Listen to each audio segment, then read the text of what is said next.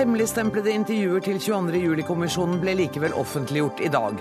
Gir det oss ny informasjon om hva som egentlig gikk galt da terroren rammet Norge, spør vi i Dagsnytt 18. Norske islamister deltar i syrisk motstandskamp. Etterretningstjenesten og PST frykter at dette øker faren for terror på norsk jord. Og helseministeren vil stanse reklame for usunn mat rettet mot barn og unge. Dette vil ikke løse fedmeproblemene her til lands, svarer industrien.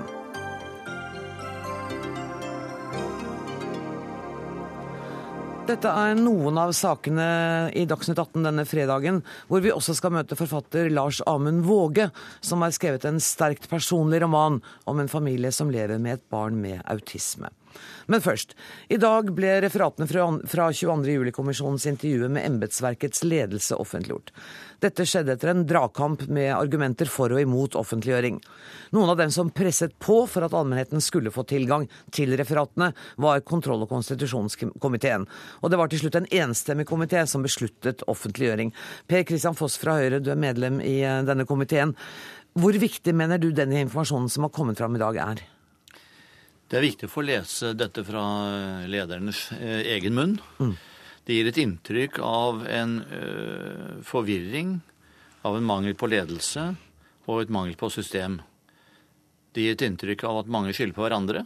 Det er menneskelig forståelig i ettertid, men det, er, det, det gir jo et inntrykk av at det er en mangel på struktur. De var rett og slett ikke forberedt. Norge kan ikke, det kan ikke skje sånt i Norge på en fredag ettermiddag. Mm. Eller fredag. Så, på sommeren på toppen av det hele. Så det gir dessverre Det understøtter jo veldig tydelig Gjørv-kommisjonens eh, konklusjoner. Eh, og det er, jo, det er jo tragisk, for Gjørv-kommisjonen sier jo rett ut at politiet kunne vært der før. Mm. Hvis noe hadde skjedd, hadde skjedd på en bedre måte. Eh, hvordan var historien for å få til denne åpenheten rundt referatene, Foss? Det burde vært en selvfølge. Det ble sagt at det var for å beskytte rikets sikkerhet at det ble holdt tilbake. Det er bare tull. For det er ikke noe dette her som er, Når vi ser hva som er sladdet, og vi har også adgang til den, den, de delene som er sladdet, som, som, som, kunne vært farlig. Så dette var for å beskytte embetsverket, altså beskytte seg selv, om man vil. da. Og delvis kanskje også politikere, for det fremkommer jo her en del synspunkter, også på politikere, som kanskje ikke var, er så behagelige å få frem direkte. Og det var mitt neste spørsmål. fordi at politikerne, eller uh, de ansvarlige politikerne, har jo til en viss grad skyldt på embetsverket. Ja. Uh, og nå sparker altså embetsverket litt tilbake.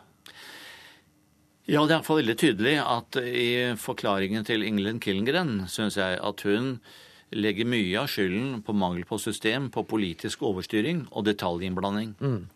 Det er jo et inntrykk vi har fra politisk Det var ikke, det var ikke et område ikke Storberget ville prioritere. Og summen av alt som skulle prioriteres, var i grunnen alt. Mm. Og da blir det ikke noen prioritering av det. Og det slet hun åpenbart med. Og hun sier jo også, ifølge Aftenposten eh, til kommisjonen, at uenigheten omkring satsingen på et nytt nødnett var helt avgjørende for at hun valgte å gå av. Det er jo en kraftig kritikk. Ja. Trine Skei Grande, du har også vært Du representerer eh, Venstre, for dem som ikke husker det. Du har også vært kritisk til at ikke dette ble offentliggjort tidligere.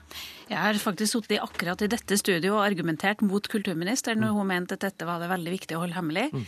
Og i dag har vi virkelig fått rett. En ting er at man i utgangspunktet mente det var dumt å holde hemmelig, men her ser vi at media finner stor interesse i det som er. Jeg syns det er interessant som medlem av kontrollkomiteen det vi leser. Det er masse ny informasjon, sjøl om konklusjonen er ganske lik det som Gjørv-kommisjonen var. Så syns jeg det er også å opprettholde en balanse. Først så åpna man for statsrådene. Nå åpner man faktisk for at de statsrådene anklager, også får muligheten til å komme til orde. Mm. Jeg kan bare skynde meg å si at Vi har invitert eh, statsråder og statsministre og representanter for Arbeiderpartiet, men det var ingen i dag som hadde anledning og tid til å komme til eh, Dagsnytt 18. Men, men det viser kanskje litt om kulturen i systemet. Jeg tror at det er, Vi har jo foreslått en lovendring ved på offentlighetsloven etter denne runden her. For vi har i hvert fall fått noen aha-opplevelser i hvordan det tenkes. For det første så gjør man det til en ren sånn administrativ avgjørelse. Eh, og jeg tror at administrasjonen da blir litt redd for å gjøre noe galt, og da er better safe than sorry. Da er det mye bedre å sørge for at mer blir hemmelig enn ikke. Jeg syns det er veldig påfallende i dag. F.eks. Nina Frisak har en, et stempel på sitt dokument som heter strengt hemmelig. Det er det hemmeligste du kan tenke deg i Norge. Og så er det sånn at Vi har lett i dag for å finne det som er sladda. Og til nå har vi funnet to avsnitt vi, som er sladda i Frisak sin, sin redegjørelse. Det betyr at det var to avsnitt som var grunn til at hele avgjørelsen var strengt hemmelig, altså blant det hemmeligste du kan få i Norge. Og Det betyr at det er, en, det er en kultur, men det er også en tolking av offentlighetsloven som eh, vi må få gjort noe med. Men, men du sier det er en kultur. Eh, Per Kristian Foss antydet jo også at noe av grunnen kunne være at man ville beskytte embetsverket, men kanskje også politikere, ansvarlige politikere. Hva, hva tenker ja, men hva tror har, du? Nå har vi presset, Først så ville de ikke offentliggjøre noe. Mm. Så har vi pressa til at statsrådene kom først, og så pressa vi så at embetsmenn kom. Nå får vi et helt helhetlig bilde. Jeg mener at et argument godt nok for at det bør være offentlig, det er at denne saken har vært hovedoppslag på alle nettavisene fra det minuttet det kom. Mm. Det mener jeg er et argument godt nok i seg sjøl, for det betyr at det har allmennhetens interesse. Men de opplysningene som er nye, for dere sier begge at det har kommet noe nytt i dag, ehm, er de nye opplysningene av en slik karakter at de vil forandre noe på hvordan vi oppfatter eh, kommisjonens arbeid eller det som skjedde den 22. juli? Det er noe, noe i um, den politiske ledelses håndtering av sikringstiltakene i Grugata og regjeringskvartalet. Der er det kommet veldig tydelig frem at dette aldri ble løftet opp på et politisk prioritert nivå. Eh, det er nok noe av det jeg tror vi vil gå nøyere inn i. Inntrykket av avhør av politifolk og Politidirektoratet er jo også at, at her skylder alle på hverandre. Her var det lite koordinering og lite system over, over det hele. Men uh, hovedinntrykket, som også Skei Grande sier, er jo at det underbygger Gjørv-kommisjonens rapport. Men nå får vi, det, får vi det både fra politikers munn og vi får det fra embetsverkets munn. Og Det er viktig å få den balansen inn. Ja, for Poenget her er jo ikke at du skal ta noen eller finne syndebukken. Poenget her er jo at vi skal Man finne kan få det inntrykket. Ja, men poenget er jo at du skal finne grep, nye budsjettrutiner, altså alt det som trengs å gjøres for at vi ikke skal se det igjen. Og du får jo en del ting som har stått i Gjørv-kommisjonen, men som nå blir veldig understreka når du leser hele referatene. F.eks. begrepet 'skyting pågår'. Mm. Det er det stor forvirring om i den norske politistyrken. Det har vi lært i dag mm. når vi leser det. Det er det ikke klart hva betyr. Da må vi gjøre den beskjeden klar forklare hva en, en, sånn instruks faktisk innebærer. Hvis man tror at man, man blir forsinka fordi at beredskapstroppen har sagt at den kommer, da har du misforstått instruksen. Da må vi gjøre den bedre. Mm. Men uh, det er jo fortsatt uh, en lang rekke intervjuer som ikke er uh, offentliggjort. Kommer dere til å fortsette å presse på for at de også skal offentliggjøres? Ja, nå syns jeg det viktigste er at de som har ansvar, skal få det på oss. Så vil jeg se at når vi har lest dette 1000 sider, og vi har ikke hatt så mange timer på oss, så vil vi eventuelt da se om det, om det trengs andre offentliggjøringer. Jeg skjønner jo ikke helt hvorfor det er hemmelig når folk har signert på at det dere nå gjør, er, un er underlagt offentlighetsloven. Så når du leser erklæringa de har signert på før de er ved intervju, så er det veldig rart at det har tatt så lang tid å måtte presse det ut. Mm. Og så skal eh, komiteen behandle dette. Det blir en høring, og den starter 5.11. Det er satt av fem dager, men den strekker jo litt ut i tid. Er det, hva er grunnen til at dere bruker liksom en måned på å få dette i orden? Det er rett og slett praktisk, for at høringer, som av den typen kontrollhøringer, det føres et stenografisk referat, og de kan ikke foregå samtidig som stortingsmøtene.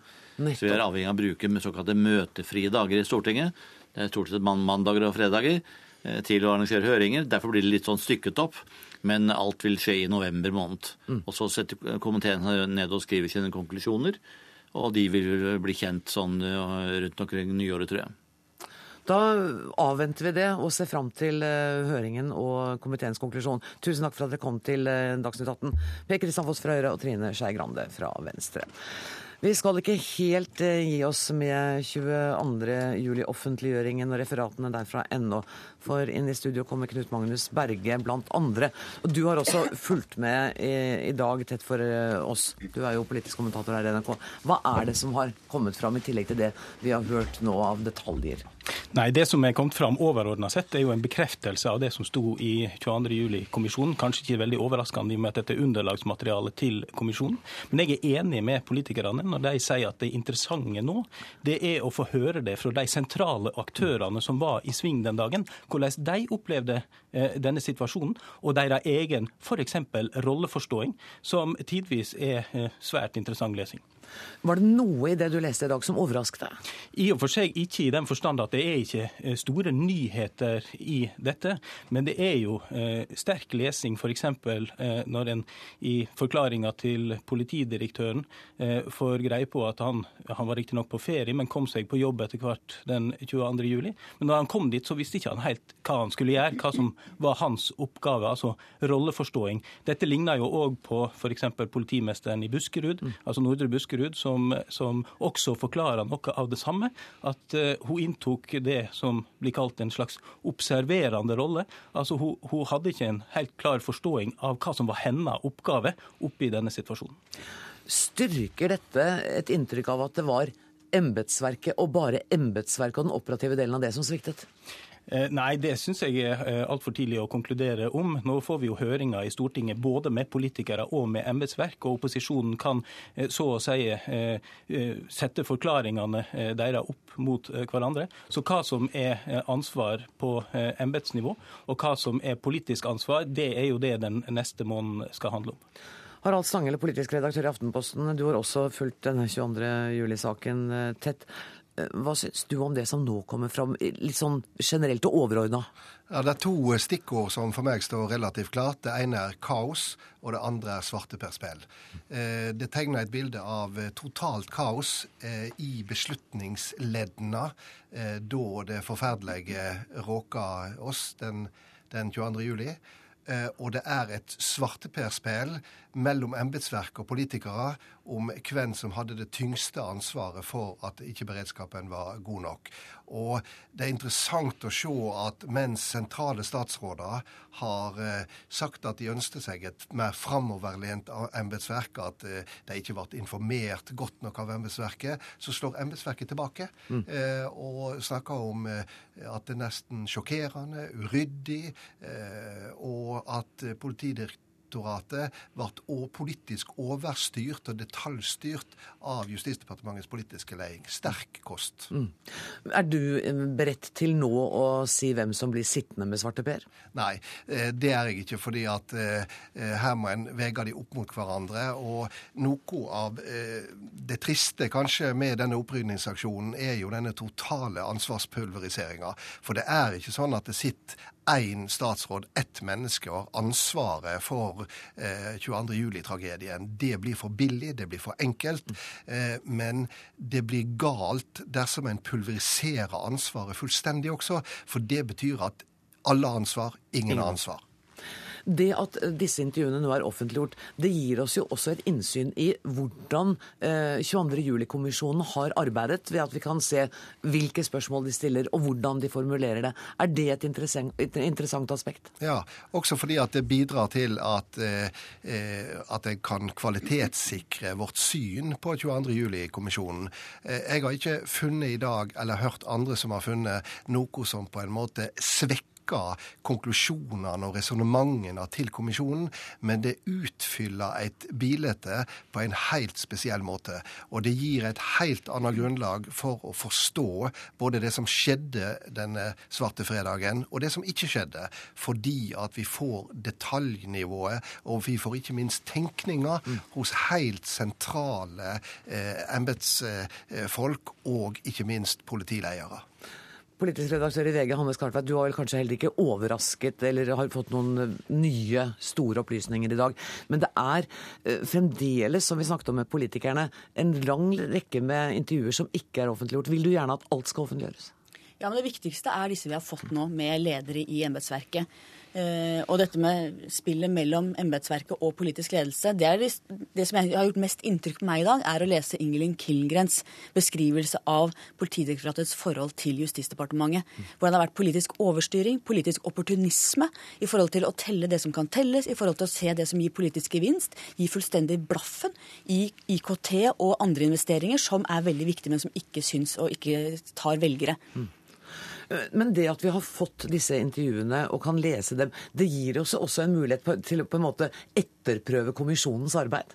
Ja, og det jeg har lest så langt, understøtter kommisjonen veldig. Mm.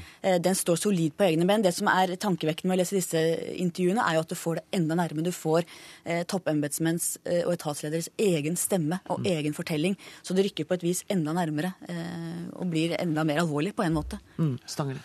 Jeg eh, lar meg jo fortsatt overraske over eh, det kaoset som rådde denne ettermiddagen.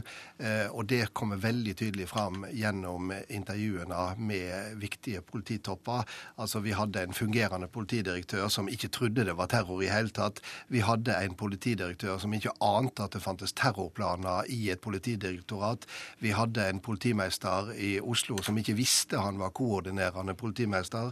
Vi hadde en politimester i, i, i Buskerud som mente at beredskapstroppen eh, egentlig rota det til, og de kunne vært på Utøya før.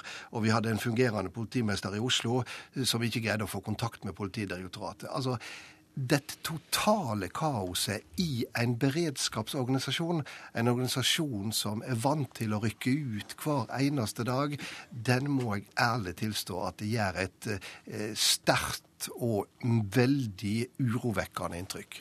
Du, du sa du ikke var beredt til å dele ut svarte svarteper, men det høres ut som du har litt lyst. Ja, det jeg, har, eh, det jeg ikke har problemer med, det er å beskrive det kaoset som stiger fram ifra avhørene. Men er det sånn at det er da utelukkende embetsverkets skyld? Nei, det Nei, er det er ikke det det. ikke. Og der har jo vi i VG eh, som den eneste avisa vært klar og gitt et råd til statsministeren om at han bør trekke seg. Det er klart dette er et politisk ansvar. Og det vi har lest i dag, er jo også forklaringer av alt det som ikke er gjort, alle unnlatelsessyndene før 22.07.2011. Fra han har vært statsminister siden 2005, altså i, i så mange år forut for terroren. Og så er det ikke skjedd. Vi ser IKT, politi, hele styringskaoset vi ser, og manglende fokus. Det har vært vår hovedkritikk. Manglende fokus på beredskap, manglende fokus på å sikre landets innbyggere. Så det er klart dette er politisk ansvar helt til topps. Og, og to- sikkerhetsrapporter som blir lagt i en skuff og glemt, og aldri kommer videre til Men det er to spor eh, her. Det ene er det som skjedde denne fatale fredagen. Eh, og det er der en kan vurdere politiets eh, beredskap, deres manglende drilling på dette, deres manglende samordning. Og så er det det Hanne Skartvedt er inne på, det er dette dette spelet mellom embetsmenn og politikere. Hvem satt med ansvaret, hvor er det? Eh, det er uten tvil et politisk eh, ansvar, eh, men det betyr ikke at dette som vi har sett i dag, legger mer kraft rundt et krav om at Jens Stoltenberg skal ta ansvaret for et angrep på han sjøl. Nei, Det var klart etter 22.07. Det det er ikke noe mer som har skjedd siden det. Den tyngden i hans ansvar er like tung nå som den var da. Mm, Men den er heller ikke blitt tyngre etter det som kom i dag. Nei, det er ikke kommet noe substansielt nytt. Uh, Knut Magnus Berger, kommer vi til å komme helt til bunns her og få definert og lagt ansvaret der hvor det hører hjemme? Nei, det tviler jeg på. Men eh, høringene i Stortinget blir eh, viktige. Men det som er tanken eh, min etter å ha lest seg igjennom dette, er at det finnes i og for seg bare én omforent fortelling om hva som skjedde 22.07, og den står i 22.07-kommisjonens rapport. Og husk hvordan den rapporten sjokkerte oss mm. da den kom. Det er ingenting av det vi har lest i dag som har svekka den på noe vis. Tvert imot.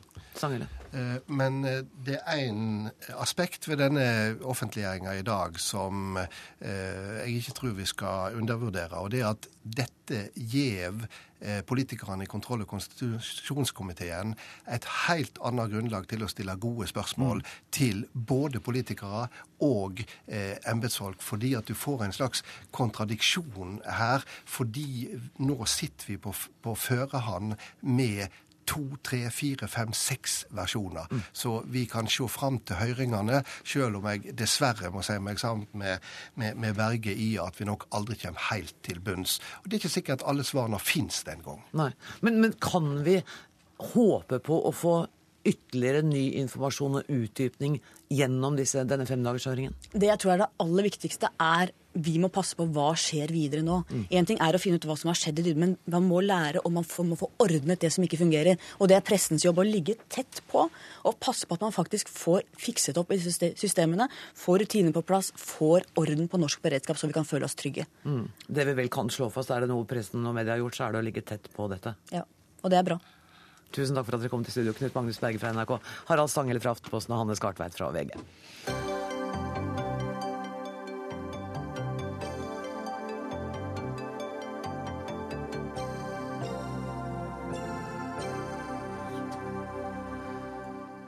Vi liker overhodet ikke at helseminister Jonas Gahr Støre sammenligner oss med tobakksindustrien. Det sa godteriprodusenten i går under et møte mellom alle leverandørene til dagligvarebutikker her i landet.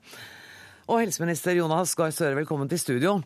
Eh, det skal altså handle om eh, usunn mat akkurat nå. For dere i Helsedepartementet, dere fremmet vel, det ble vel fremmet før du eh, tiltrådte som statsråd, det var vel i juni et forslag om å stramme inn på mulighetene for å markedsføre godteri og brus. Og så har jeg bare lyst til å lese hva dere inkluderer i dette. Kan jeg få lov til det? Hvis du gjør det riktig, så. Sjokolade, sukkervarer, desserter, popkorn, salte nøtter, potetchips, energibarer, brus, melkeprodukter og juice tilsatt sukker over et visst nivå, is, frokostblanding med tilsatt sukker over et visst nivå, kaker, kjeks og yoghurt, yoghurtlignende produkter med fett og sukkerinnhold over et visst nivå. Ja, Hva syns du unga skal spise på lørdagskvelden nå? La oss være tydelige på ingenting av det er forbudt. Nei, det skjønner jeg. Og ingenting av det blir forbudt. Nei, det og vi kommer til å fortsette å spise lørdagsgodt og is og kos. Eh, eh, Spørsmålet er Vi har altså en epidemi som følger av usunn mat, og som treffer de unge. Én av fem åtteåringer i landet vårt er overvektige. Hvis vi skal se hen hvor dette er på vei, så kan vi gå til USA. De ligger 15 år før oss.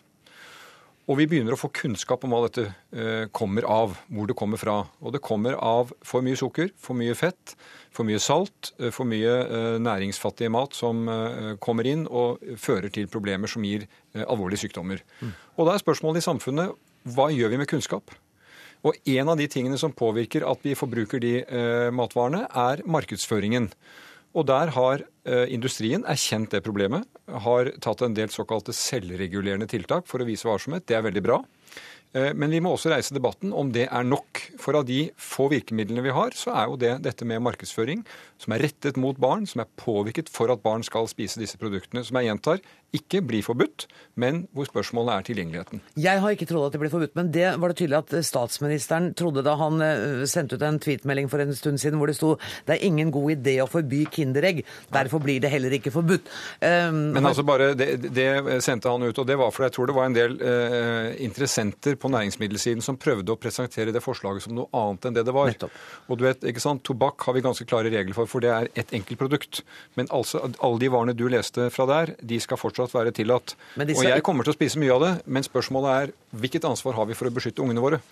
Roald Gulbrandsen, dette høres jo ut som et fornuftig tiltak at man begrenser markedsføringen overfor unge. Du er direktør for næringspolitikk i NHO Mat og Drikke.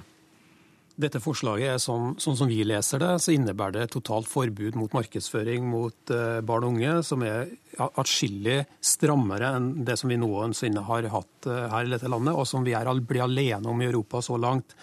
Eh, Hensikten, den politiske hensikten var vel nettopp å stramme inn på reklameadgangen retta mot barn og unge? Det vi ser av både fra WHO og OECD, er jo at dette er et ikke så kostnadseffektivt tiltak som den selvreguleringsordningen som vi har tatt initiativ til å jobbe med og har hatt eh, i drift siden 2007, og som har virka ganske godt. Nå er det sånn Men, at det, jeg må spørre deg, for jeg skjønte ikke, Hva mener du med kost, at det ikke er så kostnadseffektivt? Kan ikke du forklare meg det? Jo, det mener vi med det at eh, en selvreguleringsordning vil være mye mer dynamisk og tilpassa en utvikling i markedet, slik at du får med næringa på på å være med på å innovere i en retning som gjør at produktene totalt sett blir mer ernæringsriktig. Jeg ble ikke noe klokere av det.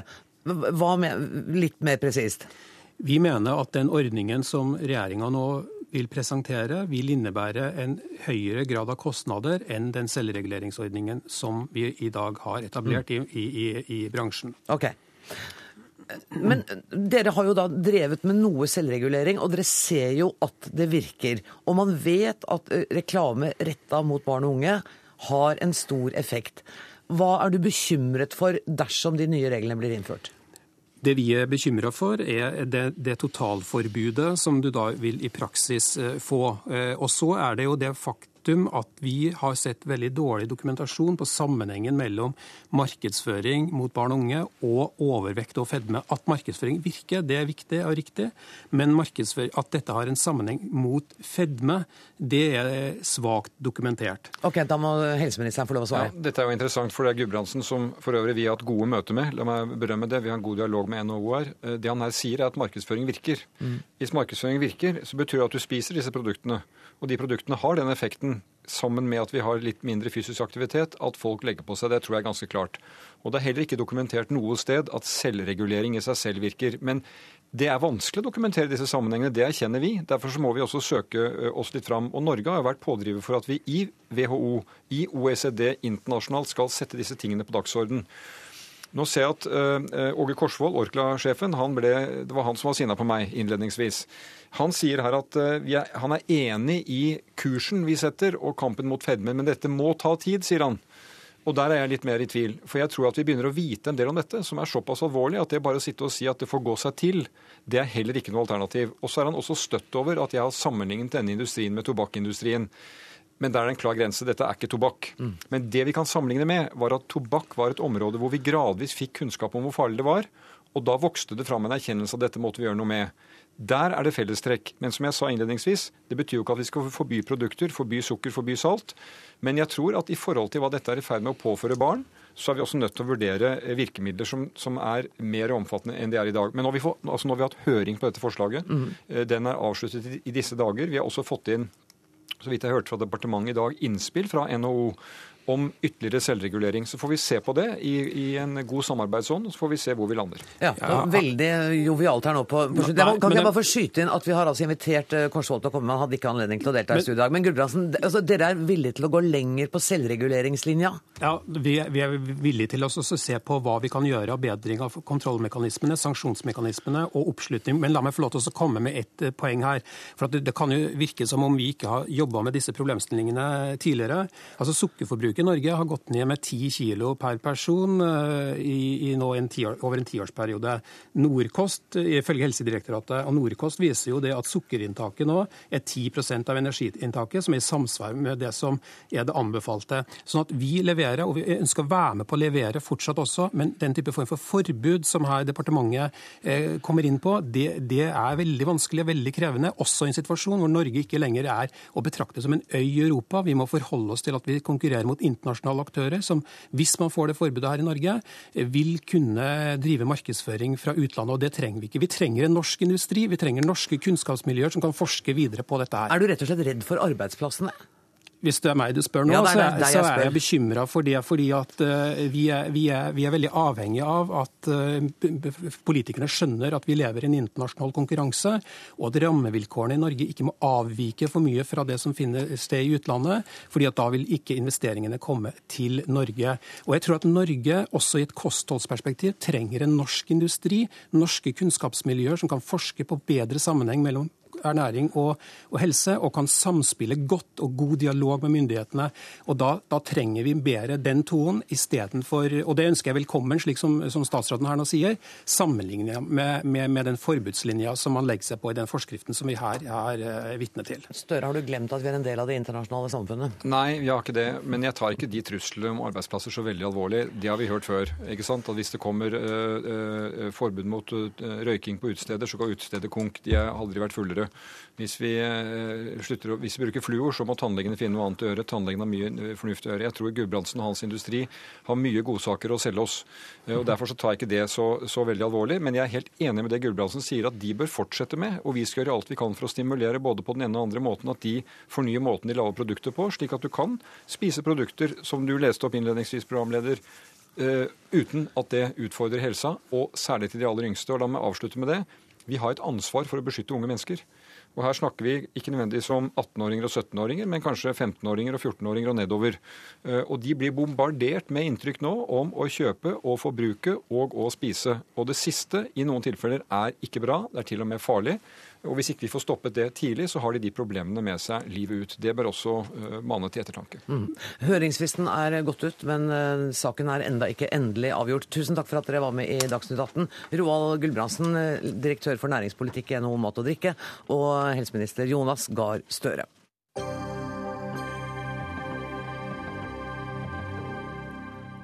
VG bedriver personrettet kampanjejournalistikk, hevder medieforsker og kommentator i Klassekampen, som mener at avisen avskyr politikere som sitat, 'kan mistenkes for å stå til venstre for Jens Stoltenberg'. Dette er dine ord, Paul Bjerke, du er medieforsker ved Høgskolen i Volda og kommentator i Klassekampen. Hvorfor er du så spesielt kritisk til VG? Alle avisene holder jo på med dette. Jeg er spesielt kritisk til VG av to grunner. For det første så er VG flinkest. Altså VG er jo på mange måter Norges beste avis. De er flinkest til å drive kampanje.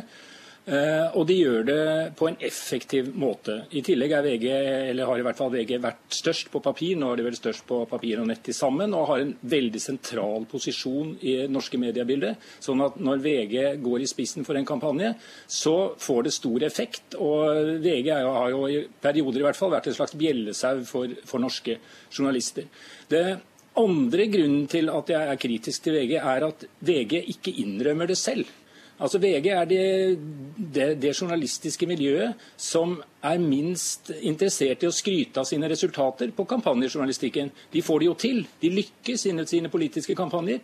De, og, men så mener de at de har ikke drevet kampanje. Det, det syns jeg er litt unødvendig. Mm. Særlig, særlig når man vet at uh, politisk kampanje har vært en viktig del av uh, tabloidjournalistikken eller populærjournalistikken helt siden den ble oppfunnet i USA for uh, eh, 150 år siden. Så dette er en lang tradisjon, og journalistikken har har normalt skrytt av den og vært fornøyd med at vi lykkes med våre kampanjer. VG later som de ikke driver med kampanje, og det, det skjønner jeg ikke helt. Eh, velkommen tilbake i studio, Hanne Skartveit, politisk redaktør i VG. Eh, dere burde skryte av kampanjejournalistikken deres, eh, mener Bjerke? Dette var jo kritikk pakket inn i veldig mye ros, så jeg bør kanskje si takk òg.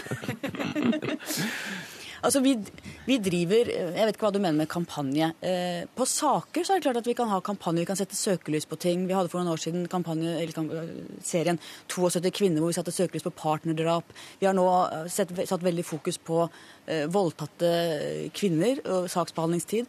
Barn som er utsatt for overgrep, hvor lang tid det tar for politiet. Eh, lov og rett. Der har vi serier og legger breisida til for å sette fokus på det. Men når det gjelder kampanjer mot enkeltpersoner, så skjønner jeg ikke helt hva du mener. For det da er vi på en måte budbringeren. For at vi viderebringer nå f.eks. Navarsete, så er det en maktkamp, og det er ting som skjer i Senterpartiet som vi skriver mye om i likhet med andre medier. Men det er jo ikke vårt mål å ta noen politikere. eller Det er ikke sånn at vi liksom eh, henger en skalp i beltet. Nei, altså jeg tror jo egentlig at alle som leser VG når disse sakene står på, når, eh, når Jagland-saken sto på eh, som verst på midten av 90-tallet, og når eh, Valla-saken sto på i 2007, og når Haga-saken sto på året etter, så ser jo de som leser VG at her har VG en agenda også på nyhetsplass. Men mener og, du da, Bjerke, at VG var instrumentell i at, at disse menneskene forlot postene sine? Jagland, Gerli Valla og Slag i Haga? Funksjonen av den journalistikken som VG gjorde i disse sakene, var at disse forlot postene sine, ja. Det er jeg helt sikker på.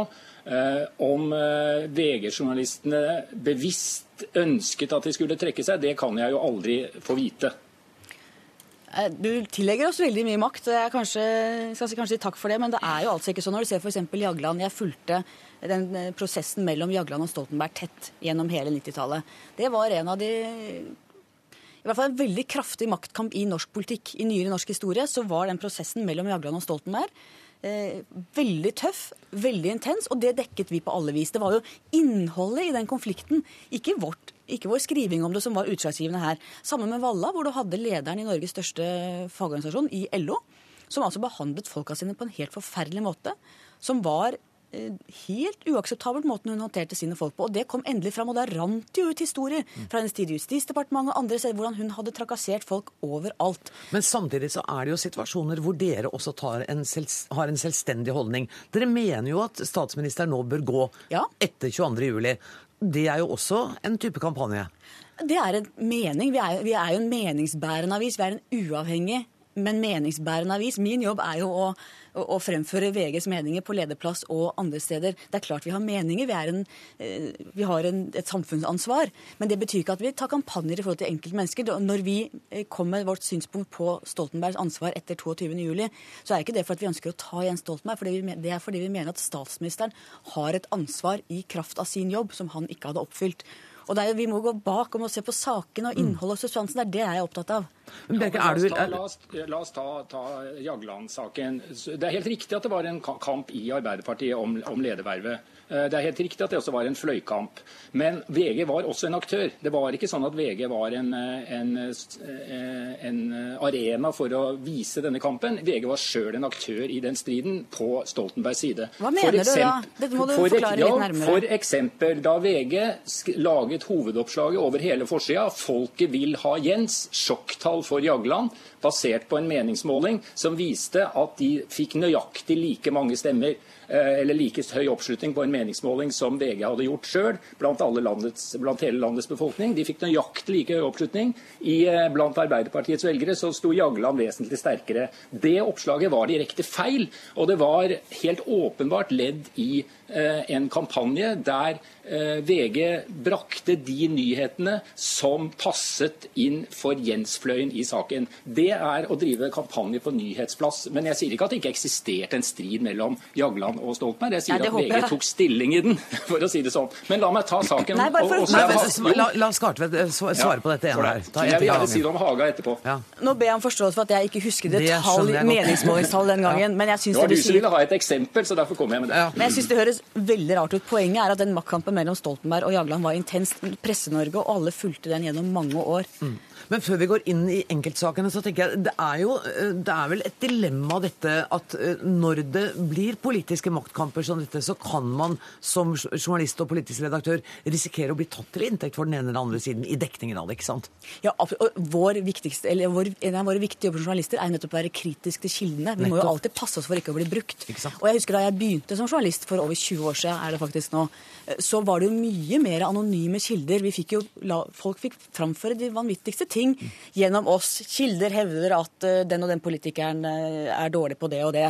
Sånn er det jo ikke lenger. Vi har et helt annet krav til at folk må stå fram åpent med sin kritikk. Når det gjelder Valla-saken f.eks., så eh, så vi med lys og lykte etter noen som kunne forsvare Valla offentlig. Det var det omtrent ingen som ville.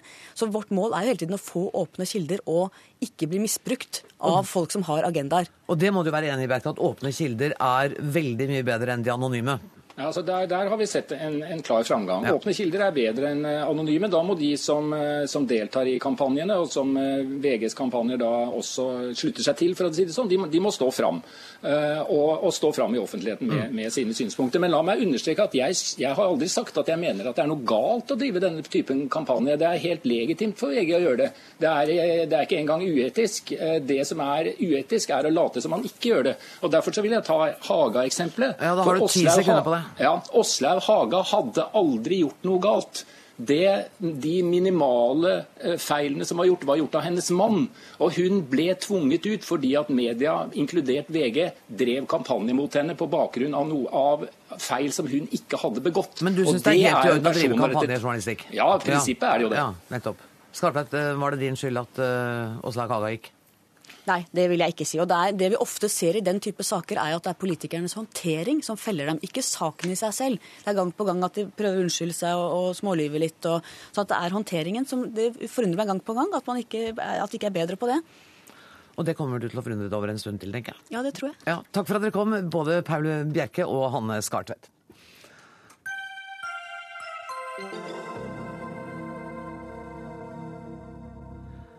Norske islamister deltar i syrisk motstandskamp. Etterretningstjenesten og PST frykter at dette øker faren for terror på norsk jord. Vi må ikke bli overrasket hvis det kommer et angrep i Norge. Det har jeg sagt tidligere også. Men jeg sier ikke at de spesifikke personene som nå befinner seg i Syria, kommer til å øh, delta i et angrep på Norge. Hvis du hadde visst om eh, at det var på gang, hadde du da varsla om det? Jeg har ingen kommentar til det. Det sa Ubaydullah Hussain til Dagsrevyen for to dager siden. Og Etterretningstjenesten frykter nå at våpentrening og ytterligere radikalisering kan føre til at mellom 20 og 30 norske statsborgere som er reist til Syria for å delta i den væpnede kampen mot regimet, kommer tilbake til Norge som terrorister. Shoaib Sultan, rådgiver med fokus på ekstremisme i Antiras- Antirasistisk Senter. Hva slags miljø er det disse mennene kommer fra her i Norge? Det er et lite miljø som har vokst fram, eh, som vi har sett eh, en stund, men som eh, har stått litt mer offentlig frem fra januar i år. Hvor de da hadde denne demonstrasjonen foran Stortinget. Så det er et ganske ferskt politisk islamistisk miljø? Ja, det er det. Hva er det som driver dem til å reise og ta del i en væpnet konflikt? Nå vet vi ikke helt uh, hvilke spesifikke personer som har reist. Altså det, er, det, kan være en mengde ulike årsaker til at folk reiser til et konfliktområde. Og vi må være veldig forsiktige så vi på en måte ikke, ikke uh, tar alle med i samme slengen her. Men det er klart at folk fra denne typen gruppering med dy, den typen uh, standpunkter som de har, kan og skal man være bekymret for om får, får det Etterretningstjenesten vel kaller kapasitet til å kunne gjøre andre ting. Sånn som du beskriver det, så er det, dette et lite miljø foreløpig. Er, er dette miljøet i kontakt med de andre muslimske miljøene i Norge? Som miljø så har de vel mer eller mindre uh, stått i konflikt med resten av det muslimske miljøet. Enkeltpersoner kan bevege seg frem og tilbake.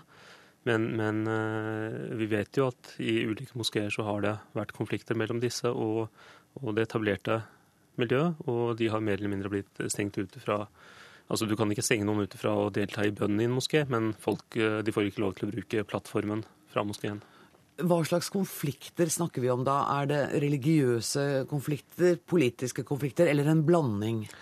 Det er nok en blanding. Altså folk som kommer og prøver å bruke moskeens plattform til å fremme sin politiske agenda, eh, vil jo, vil jo ofte, og har jo ofte, fått beskjed om at det får de ikke lov til. Mm. Og, og, og, det er nettopp det som har skjedd her også. Deler du Etterretningstjenesten bekymret for at det kan bli en ytterligere radikalisering av deler av miljøet? Altså, Mer radikale vet jeg ikke om de blir, men det er klart at får de en større kapasitet, så er det, så er det noe som eh, vi alle skal være bekymret for. Absolutt. Truls Tønnesen, forsker ved Forsvarets forskningsinstitutt. Hva slags grupperinger er det naturlig å se for seg at denne, disse norske statsborgerne er i kontakt med i Syria? I Syria generelt så er det jo veldig mange typer opprørsgrupper. Og vi ser at utlendingene slutter seg til ganske bredt spekter ja. uh, av, av, grupper. Uh, men så er det jo særlig da den, De fleste opprørsgruppene i Syria er jo, definerer seg som altså, det er en, et opprørsgrupper mot regimet. Uten at det har noe mer ideologi, ideologisk overbevisning enn det. Okay. Og så er det noen grupperinger, som et mindretall, som går i litt mer si, islamistisk retning og definerer opprøret som en Eh, i, i, i, som en religiøs kamp. Eh, og Noen av de går enda lenger, legger seg tettere opp til en Al Qaida-ideologi og bruker altså selvmordsangrep, f.eks., som er en sånn Al Qaida-type taktikk.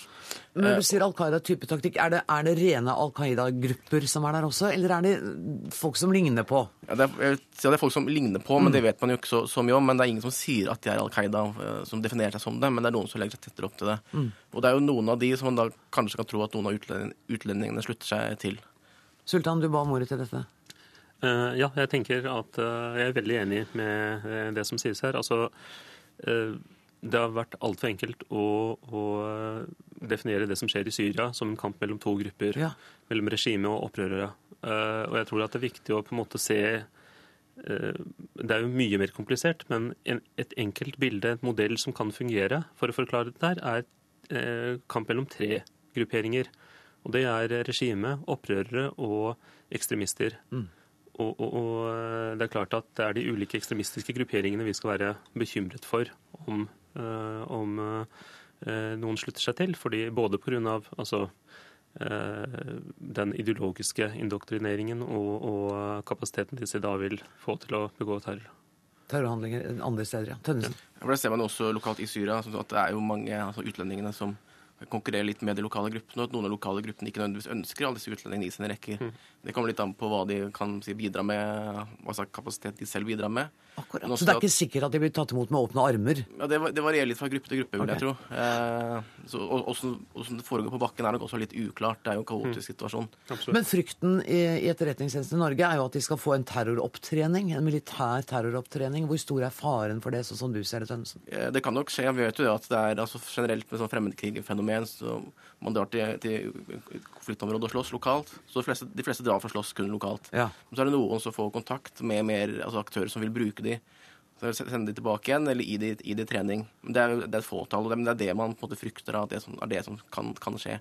Og det er jo enkelte, altså, noen lokale aktører, som, regionale aktører som er, er i Syria og trener opp opprørere.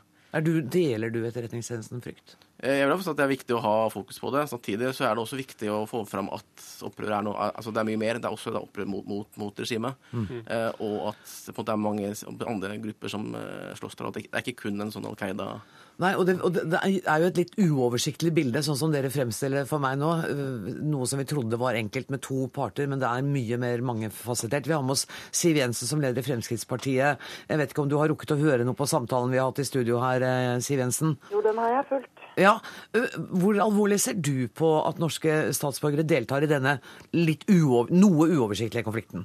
Ja, det er ikke bare alvorlig, men det grenser jo opp mot alvorlig kriminalitet. Jeg har lyst til å ta utgangspunkt i, i eh, Europarådskonvensjonen fra 1997, som faktisk eh, hjemler muligheten for å fjerne statsborgerskap fra mennesker som frivillig tjenestegjør i en fremmed militær styrke. Og det er jo det disse uh, unge, forvirrede guttene gjør. Men jeg syns jo denne Ubaydullah Hussein som innledet denne saken, han kommer jo med dulgte trusler uh, om mulige angrep. Og, og jeg syns jo også at han i et intervju til VG Nett i dag sier det egentlig ganske skremmende. Han omtaler den såkalte terrorbestemmelsen som Norge har. Altså Han anerkjenner jo da ikke norsk lov sier at det skremmer ikke muslimer fra å hva han kaller det, befri muslimske land fra vantroes okkupasjon. Det må da være oss og andre vestlige nasjoner. Kaller oss for tyranner, eh, og at vi driver terror mot muslimer.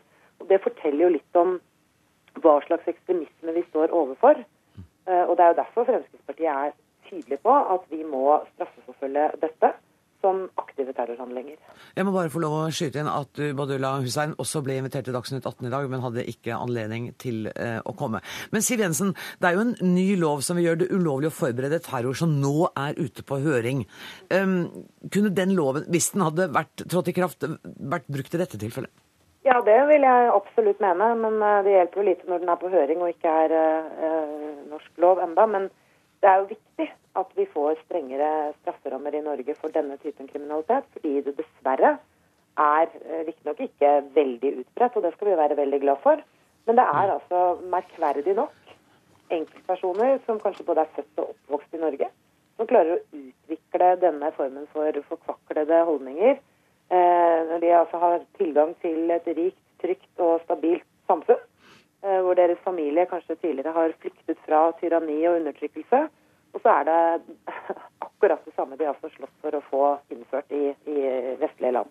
Sultan, jeg må bare spørre deg, hva, hva, synes du om eventuelt Hun drøftet jo nå en eh, tanke fra eh, Europarådskonvensjonen om å frata folk statsborgerskap. Ja. Altså du kan si, jeg, jeg vil være veldig forsiktig med å gå veldig sterkt ut der. Altså, Oppi mitt hode så er det slik at folk reiser med veldig mange forskjellige Eh, baktanker. Mm. Det kan være folk som, eh, folk som uh, drar dit for å få en type trening, for å, for å rett og slett forberede seg til noen terrorhandlinger. Selvfølgelig. Det er en alvorlig kriminalitet, jeg er helt enig. Mm. Det er folk som deltar i grupperinger vi syns har ganske fryktelige standpunkter. Det er problematisk. Jeg vil ikke stille det i samme rekke, men jeg, jeg ser helt tydelig problematikken der. Mm. Så har du folk som drar dit for å hjelpe. ikke sant? Altså det, er, det, er, folk med helsefaglig bakgrunn også som har reist. Eh, det er folk som drar dit for å kjempe sammen med opprørere som kjemper kun mot et regime de syns er undertrykkende. Mm.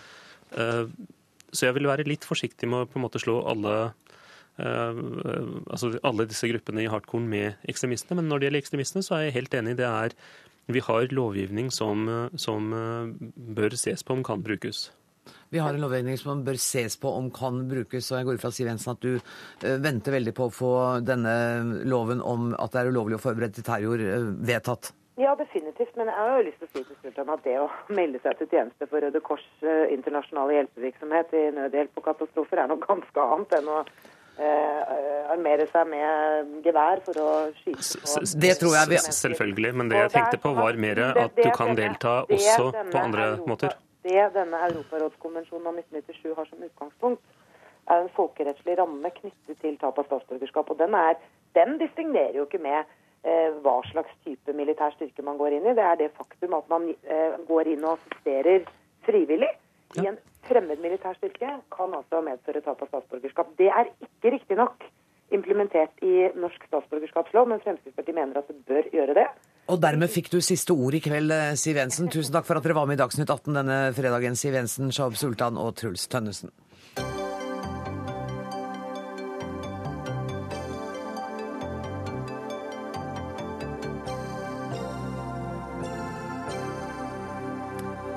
Vi skal skifte både tempo og tema i Dagsnytt 18. Jenta er ikke som andre. Blir aldri som andre. Kommer aldri til å kunne lese. Likevel bestemmer faren seg for å skrive en bok til henne. Hovedpersonen i Lars Amund Våges roman 'Synja' er autist. Det å skrive om henne og skrive til henne er vanskelig. Nesten umulig for faren, som er jeg-personen i boka. Kan du lese litt for oss, Lars Amund Våge? Ja. Jeg veit ikke lenger om jeg kommer til å skrive denne boka. Jeg tenker alt på å kaste dette arket. Jeg ser på det jeg har skrevet. Tomt lyser det imot meg et ødt landskap. Det er noe rutinert med setningene og orda. Den røynde forfatteren som utfører håndverket sitt. Jeg puster fort og kjenner hjertet slå. Jeg kjenner kjevemusklene knyte seg. Jeg hadde et håp om å fortelle, men håp har jeg hatt så mange ganger. Håp har kommet, håp har gått. Håp om å kunne skrive om G har forlatt meg. Jeg hadde håp om at G skulle være som alle andre. Da jeg måtte gi opp dette håpet, trodde jeg at hun skulle bli nesten bra. Men jeg måtte gi det opp. Så trodde jeg hun skulle komme seg. Jeg måtte gi opp det også. Jeg trodde at hun skulle lære litt. Jeg ga det opp. Jeg mente jeg innså problemene hennes. Så trodde jeg hun skulle leve godt i tråd med sitt vesen, i nær kontakt med venner og familie. At hun skulle finne fred eller ei slags lykke. Jeg veit ikke om hun har funnet det. Jeg veit ikke om hun kan greie slikt. Jeg veit så lite om henne. Hvordan kan jeg skrive da? Jeg vet ikke hvor langt jeg kan gå i å være nær og personlig, men faren i boka syns altså det er vanskelig å skrive om henne. Jeg går ut fra at forfatteren også syns dette har vært vanskelig. Ja, det har vært vanskelig. Um, men jeg har, jeg har, tenkt i mange år at jeg burde skrive en sånn bok, når jeg nå har disse erfaringene. Hun er dattera di? Ja. Jeg har ei datter med autisme på samme alder som G i boka. Det finnes ikke noe én-til-én-forhold mellom eh, disse personene i boka og i mitt liv. Det er en roman. Men jeg bygger på disse erfaringene. Eh, jeg frykter jo å skrive denne boka på en måte Jeg tenkte jeg burde gjøre det når jeg nå en gang hadde opplevd dette og var romanforfatter. Og vi er takknemlige for at du gjorde det. Ja, takk for det. Men eh, så Ja eh, når jeg først kom i gang, så, så var det jo eh, Ja, det var som boka lå og venta på meg, altså. Jeg har vel ikke skrevet ei bok så fort som jeg har skrevet denne. Og det var en, det var en god skriveopplevelse, og det føles godt å ha gjort det. Jeg har aldri lest en uh, roman om et menneske med autisme før. Og, det du skildrer, er jo disse forventningene og denne, disse foreldrenes tro på at Kanskje det er en annen ekspert der ute som kan hjelpe. Kanskje det er andre, noen andre som kan hjelpe henne til å få et bedre liv. Og så kommer dere inn i atferdsterapien, som dere jo stoler blindt på en periode. Ja da. Eh, atferdsterapien eh, I min ungdom så ga den veldig store forventninger til sånne familier som vår. Altfor store forventninger. Eh, så og, og, folk i vår situasjon eh, trong jo noe å tro på, og greip begjærlig dette. Oi, oi, her kan, det, her kan mitt barn få hjelp, altså. Ja, eh, noen sa til meg at barnet kunne bli helt bra. Eh, dette var ikke bra. Så var det òg en annen ting at mange av disse barna ble utsatt for veldig omfattende treningsopplegg. da. Sånn at og familiene ble involvert, foreldre kanskje i trening og sånn. Dette preger familielivet ofte på en destruktiv måte, altså. Og i dette, i at man er inne i et regime og skal gjøre det beste for henne fordi man tror at hun skal bli bedre, så beskriver du denne usigelige farskjærligheten og viljen til å prøve å være med inn i hennes rom. Og så må faren i boka gi opp det. Ja, eh, men det fins eh, Ja, en må gi opp mye. Eh, en må justere sine forventninger til hva et liv skal være. Eh, og det er, det er nok en, en, veldig viktig ting å, å, ha noenlunde realistiske forventninger i sånne tilfeller. Ellers så kan barnet bli utsatt for et ganske stort press, altså. Og, og stadig være en skuffelse. Være en stor skuffelse for sine nærmeste, i tillegg til den alvorlige funksjonshemningen. den tanken er ikke så god. Nei. Så jeg tror at en må møte disse òg på deres egne premisser og godta de som de er. Altså. Men man veit jo ikke helt hva de premissene er. Det veit jo ikke faren i boka. Han sier også at han leiter Nei. og vil forstå språket hennes og uttrykket. Og så finner hun på en måte nye uttrykksformer. Ja da. Nei, En vet ikke hva premissene er. Og, og som jeg er inne på her i dag jeg leser òg, en vet lite. Men så vet en litt òg, da. En ser på ansiktsuttrykk, en ser på blikket. En kjenner på kroppen og tar i hendene. Alt dette. En, eh, en ser kroppsspråket. Og for meg har det vært viktig å lære seg å stole på dette språket. da. Mm. Og, og, stole på mine egne kan du si, faderlige vurderinger mitt eget blikk på henne. Det er noe av det som har forløst boka for meg, da, at jeg har ja, måttet stole på mine egne tanker om dette og min egen opplevelse av situasjonen. Det må en, hver forfatter gjøre med sitt stoff, liksom. Ja. Og så skriver du også at faren i boka i perioder trenger avstand til dattera. Det er perioder hvor han ikke besøker henne på det omsorgsstedet hun bor. Ja, det, det er viktig. Eh, og ja, skal jeg gi et råd til andre foreldre, så ja, ta litt fri og reis til Paris. Eh, slapp litt av. Mm. Eh, ikke gå opp i dette hele tida. Fordi det rett og slett er ikke mulig? Nei, det kan være veldig krevende. Eh, det er et, et samvær som er veldig intenst og krever jeg krever meg da 100% hele tida på en bestemt måte. altså. Jeg vet ikke hvordan jeg skal skildre det. Jeg har et, et litt sånn lite praktisk spørsmål til slutt. Hvorfor har ingen av personene i boka et fullt navn, men bare en forbokstav? Ja, jeg, jeg, har ikke noe godt svar på det. Jeg, jeg syns det var greit sånn. Det er, veldig, det er veldig greit sånn. Og vet du hva, du har altså gitt uh, oss en, uh, og i hvert fall meg, en stor, stor leseropplevelse, og kanskje bidratt til at min innsikt er noe bedre enn uh, hva den var. Hyggelig, da. Så det er veldig hyggelig at du kom til Dagsnytt 18. Og dermed så er det strek for uh, fredagsutgaven, eller gudskjelov kveldutgaven, som kollega Hans-Wilhelm Steinfeld ville sagt det. Ansvarlig for sendinga var Aksel Wilhelm Due. Det tekniske ansvaret har Per Ivar Nordahl. Jeg sitter altså i studio sammen med Lars Amund Våge, som har skrevet romanen 'Syngja'. Jeg heter Anne Grosvold. Vi høres på mandag. Takk for nå.